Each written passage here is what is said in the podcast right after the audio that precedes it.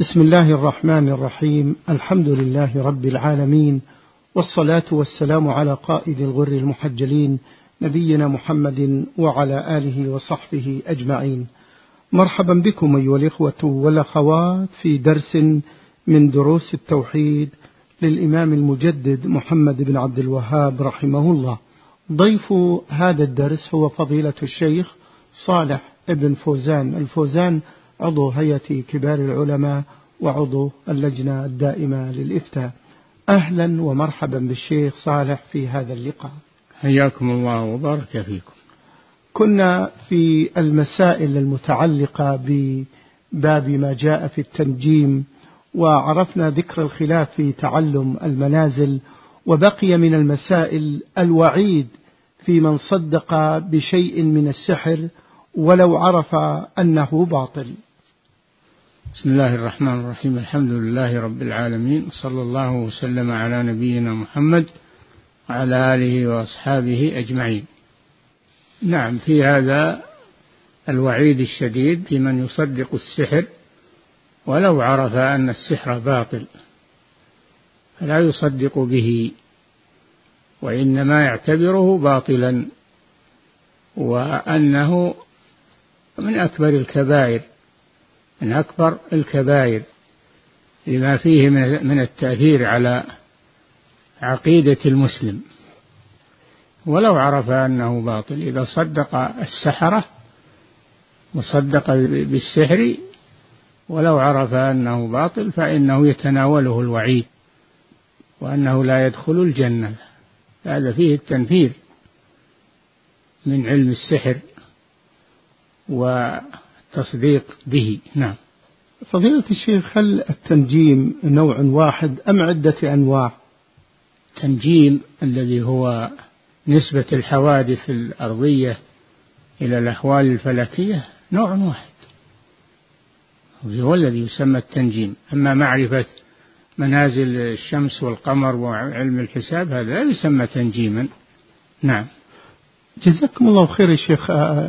التوجيه الذي ترونه في بعض الناس الذين يتابعون بعض المجلات الهابطة التي تضع مثلا زاوية بعنوان حظك مع النجوم أو حظك اليوم.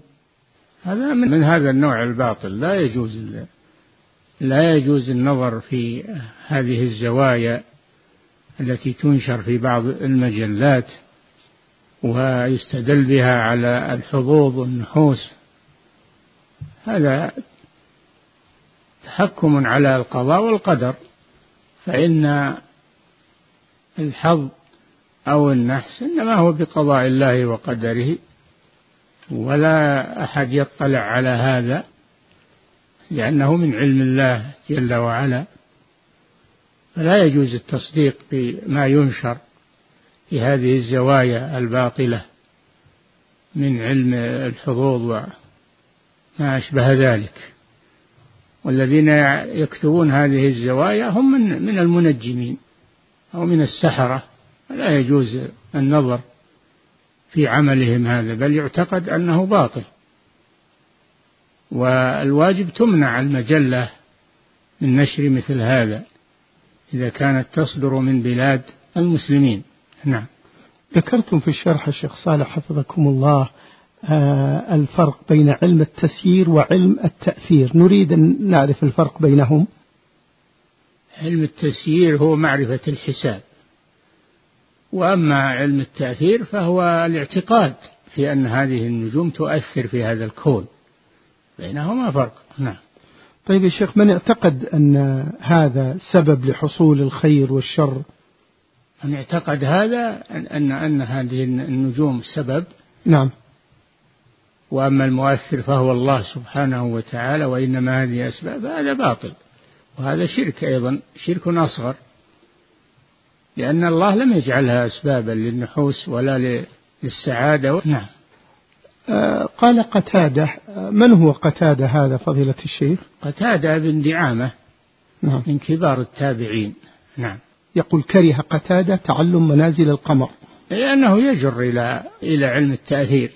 يجر إلى علم التأثير ولكن الصحيح أنه غير مكروه وكره عند السلف حرم يعني. نعم.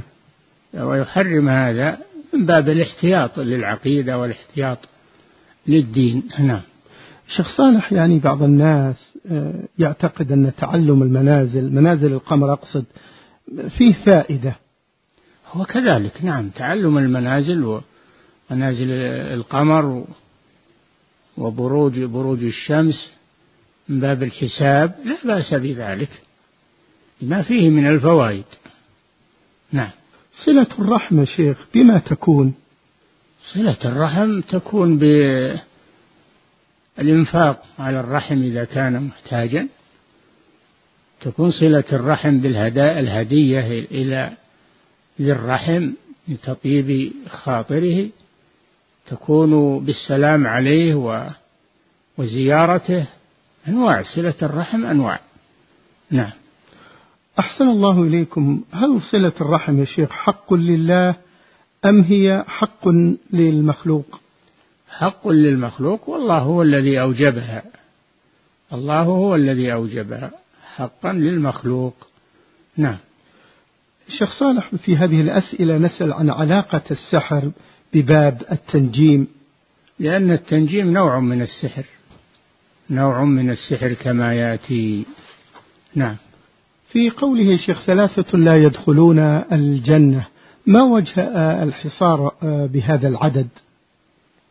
من باب التحذير من هذه الجرائم الثلاث والوعيد وارد في حق غيرهم من أصحاب الجرائم أيضا زيادة. لا. نعم. شيخ بعض الفرق كالمعتزلة تأخذ بنصوص الوعيد شيخ صالح.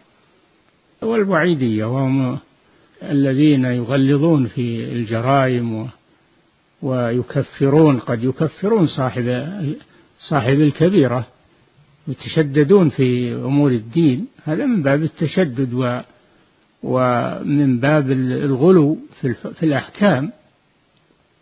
كما أن هناك من يتساهل وهم المرجئة. المرجئة يتساهلون في الذنوب والمعاصي ويقولون لا يضر مع الإيمان معصية كما لا ينفع مع الكفر طاعة. هذا قول نعم لا ينفع مع الكفر طاعة لا ينفع آه، فعل المعصية مع الإيمان. هذا من باب الوعيد الوعيدية. لا يضر مع الكفر معصية كما لا ينفع مع الكفر طاعة. لا ينفع مع الكفر طاعة صحيح. لكن لا يضر مع الإيمان معصية هذا غلط. قد يكون الإنسان مؤمن وتصدر منه معصية وتضره ويناله العذاب بها وهو مؤمن بقدر معصيته. نعم. الشيخ قبل أن ندخل في باب ما جاء في الاستسقاء بالنجوم نود أن نختم هذا اللقاء في آه، باب ما جاء في التنجيم لعلكم تختمون هذا الدرس. نعم نعم. نختم هذا الدرس بالنصيحة للمسلمين أن يحرصوا على صيانة عقيدتهم من مثل هذه الأمور وهذه العقائد الفاسدة النجوم وأن يتوكلوا على الله سبحانه وتعالى وأن يعتقدوا أن الله هو الضار النافع وأن ما أراده وقضاه فلا بد أن يقع. فيجب على الإيمان بهذا. ويجب على المسلم أن أن يبني دينه على هذا على عقيدة الإيمان بالقضاء والقدر والخوف من المعاصي من غير غلو فيها أنها تكفر أو أنها خوف من المعاصي. وعدم التساهل في شأنها. وكما عند المرجئة فلا تشدد في أمر المعاصي اعتقاد أنها كفر وأن صاحبها مخلد في النار ولا تساهل فيها اعتقاد أنها لا تضر. بل المسلم يكون بالوسط وسط بين الطائفتين.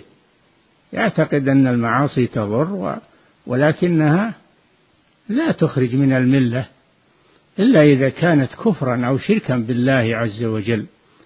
نعم. شكر الله لكم وفضيلة الشيخ صالح على ما بينتم لنا في هذا الدرس المبارك من دروس التوحيد للإمام المجدد محمد بن عبد الوهاب رحمه الله. وشكرا لحضراتكم أنتم على متابعتكم لنا في هذه الدروس. وسجل هذا الدرس من مكتبة الشيخ بمدينة الرياض الزميل المهندس عبد الله المواش والسلام عليكم ورحمة الله وبركاته.